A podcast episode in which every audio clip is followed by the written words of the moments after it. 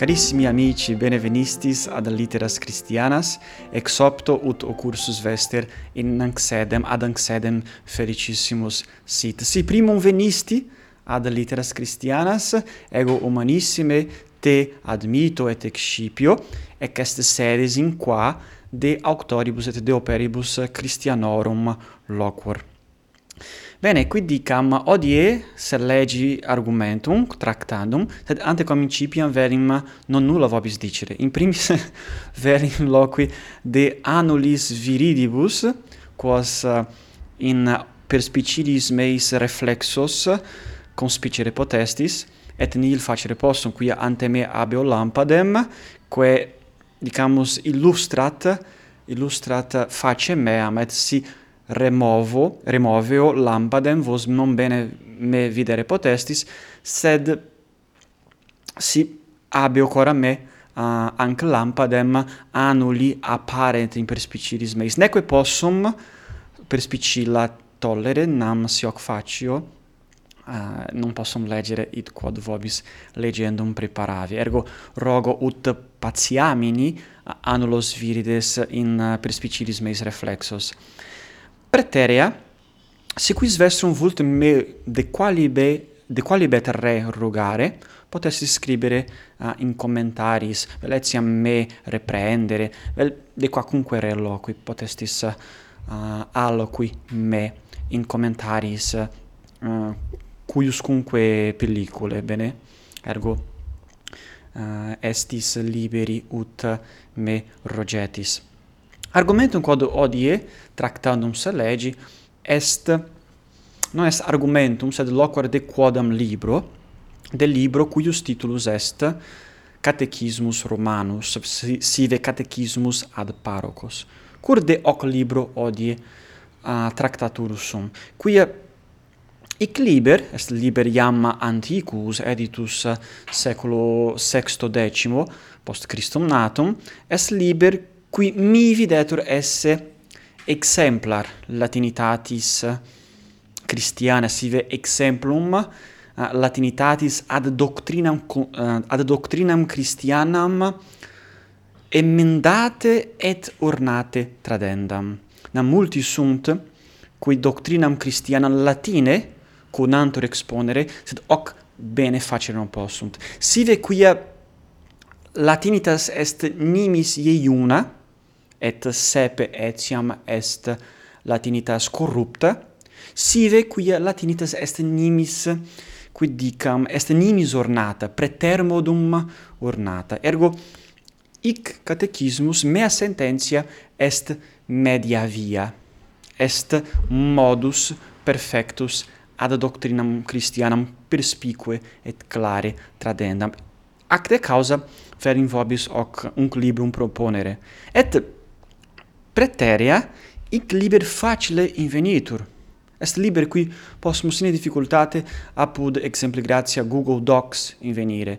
Ergo etiam relinquam in descriptione uius pellicule nexum sive vinculum retiale ut accedere potestis ad ad documentum. Et est documentum bonum uh, et facile lectu nam est editio excripta, quidam vir, liberalis et generosus, excripsit totum opus, ergo non est documentum imaginibus captis effectum et formatum, sed est documentum excriptum, itaque possum sine difficultate legere.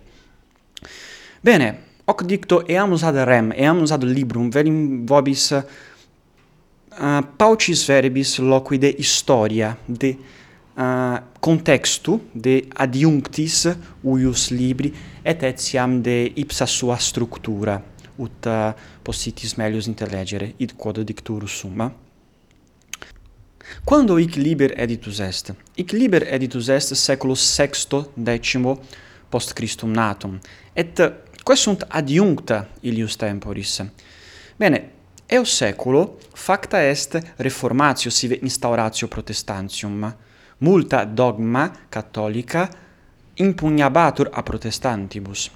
Et ecclesia cattolica convocavit synodum quo posset confutare illas impugnationes protestantium et non solo ut confutaret sed etiam ut explanaret ipsam doctrinam ecclesiae catholicae et inter synodum in quadam sessione patres conscripsi eh, uh, decernerunt catechismum edere. Quid est catechismus? Catechismus est liber in qua doctrina cattolica de omnibus rebus sive de rebus dogmatici dogmaticis sive de rebus moralibus exponitur et exponitur non ad theologos ad viros uh, in re theologica peritus, sed etiam ad homines rudes, ad homines simplices, ergo est liber destinatus ad institutionem populi Christiani. Quia exempli gratia eaque edita sunt, quae dicta sunt in synodo, sunt dicta non ad instruendum, sed ad decernendum. Itaque fideles, qui non habent, dicamus, capacitatem, facultatem, ad intelligenda, ad intelligendas illas res, non possunt facile intellegere id quod promulgatur inter synodum. Sed ope catechismi potest ad illas ad easdem veritates pervenire quas synodus uh, promulgavit modo dicamus didatico et faciliore. Ergo catechismus Romanus eh, consilium catechismi edendi apparuit in ipso uh, in ipsa sinodo tridentino tridentina et hoc factum est. Videamus quomodo. Bene. In primis videamus quid sinodus dixit de uh, de hoc consilio. Legamus uh, aliquem locum.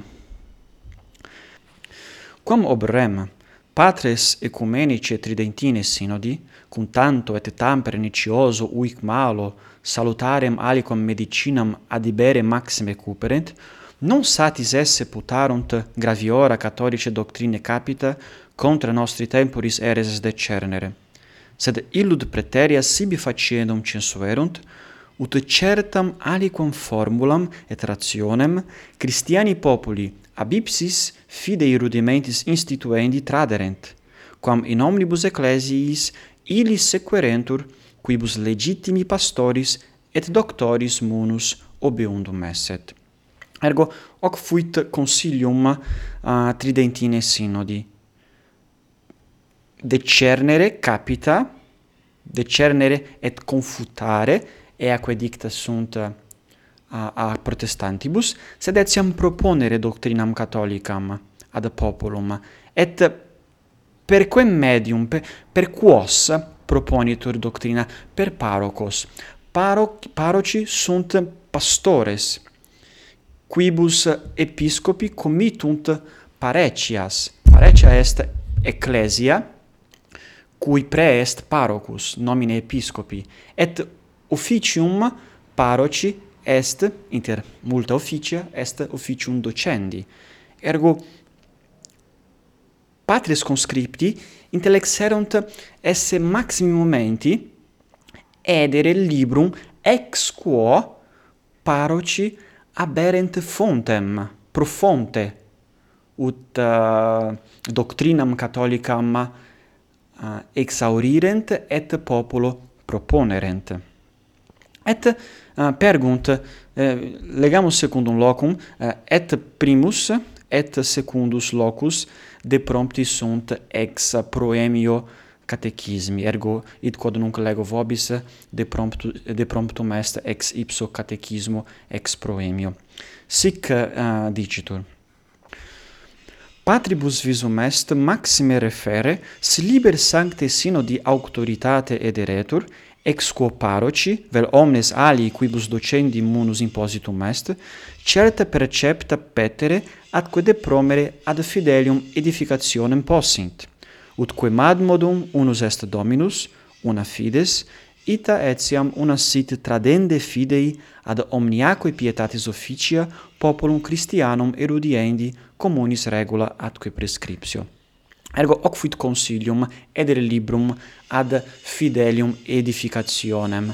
Et liber hic est destinatus ad parocos ad illos homines quibus commissa sunt quibus ah, uh, parecie commisse sunt. Ergo hoc hic catechismus etiam vocatur catechismus ad parocos quia destinatur ad parocos. Bene, et quando hoc consilium uh, captum est, captum est inter duo devicesimum sessionem concili sinodi, quae habita est die vicesimo quinto februari anni millesimi quingentesimi sexage, uh, sexagesimi secondi suadente cardinali Carolo Borromeo. Carolus Borromeus fuit sanctus Carolus Borromeus, archiepiscopus mediolanensis, et ille maxime curavit ut hic opus ut ut hoc opus ut hic liber ederetur et ipse Carolus Borromeus postquam liber uh, scriptus est ipse uh, curavit recensionem ipse Eh, recensuit eh, librum antequam eh, in lucem ederetur. Et opus expletum est anno millesimo quingentesimo sexagesimo quarto, et expletum est italico sermone, sed duo humanisti, Paulus Manutius et Julius Poggianus, in linguam latinam converterunt, ergo opus paratum est italico sermone, et duo humanisti converterunt ad linguam latinam ad latinum sermonem. Et sic ius pontificis Pii quinti, anno iam millesimo quingentesimo sexagesimo sexto, hoc opus utroque sermone et latino et italico vulgatum est subtitulo Catechismus ex decreto concilii tridentini ad parocos Pii quinti iussu editus. Et postea hic liber etiam uh, uh, versus est in alios sermones uh, odiernos, in alios sermones, quia hoc fuit consilium uh, ipsius uh, concili, id est edere non solo in latine, sed etiam in omnibus, uh, in omnibus sermonibus. Bene, comodo dividitur hic liber, dividitur in quatuor partes, uh, prima pars est de fide et de simbolo fidei de id uh, de illa oratione quae dicitur credo. Bene? Ergo est symbolum fidei et prima pars huius libri loquitur de simbolo fidei de credo. Secunda pars de sacramentis tertia pars de preceptis decalogi et quarta pars de oratione ergo est divisio quae viget aduc nam seculo vicesimo, Pontifexiones Paulus secundus, novum catechismum illucem edidit, et plus minusem eadem structuram secutus est, ergo uh, ex structura quam venimus in catechismo romano viget aduc in catechismo ecclesiae catholicae qui editus est seculo vicesimo a pontifice sancto Ioanne Paolo II. Bene, quid de istillo uius libri. Ut iam vobis dixi, est velut exemplar latinitatis, cur, exemplar latinitatis eh, Christiane, cur, quia sermo est emendatus, est sermo perspicuus, aptus ad ad illum finem quem proposuerunt a patres conscripti et est sermo ornatus. Ergo non est ornatus et non perspicuus, neque perspicuus et non ornatus, sed ili duo humanisti de quibus dixi, qui uh, latine interpretati sunt unc librum, uh, optime fecerunt opus sum, quia habemus et perspicuitatem et ornatum. Ergo multum Ah, uh, iuvat legere catechismum romanum, quia instruimur et delectamur legendo. Ergo vobis commendo uh, ut si vobis ignotus est ut evolvatis illas pagellas. Bene, ergo hoc erat consilium meum de hoc eh, libro dicere, sed ante confinem imponamus fortasse iuvat etiam non nullos locos de promptos legere, ut id quod dixi possim testimonio probare, probare, per cui eh, se, non, se non provo, si ita se non provo, se non afero testimonia, nil, uh, nil valet, nil valent verba mea, ergo videamus non nulla loca, non nullos locos, ex catechismo romano de promptos. Bene, vidiamus uh, eh, unc primum locum in quo loquitur de fide apostolica, et iam possumus ex hoc loco eh, uh, animadverter et perspicuitatem et ornatum. Sic legitur. Quae igitur primum Christiani homines tenere debent, illa sunt quae fidei duces doctoresque sancti apostoli divino spiritu afflati duodecim symboli articulis distinxerunt. Nam cum mandatum ad Domino accepissent ut pro ipso legatione fungentes in universum mundum proficiscerentur, atque omni creature evangelium predicarent, Christiane fidei formulam componendam censuerunt, ut sciricet id ipsum omne sentirent ac dicerent, neque ulla essent inter eos schismata, quos ad fidei unitatem vocassent, sed essent perfecti in eodem sensu et in eadem sententia.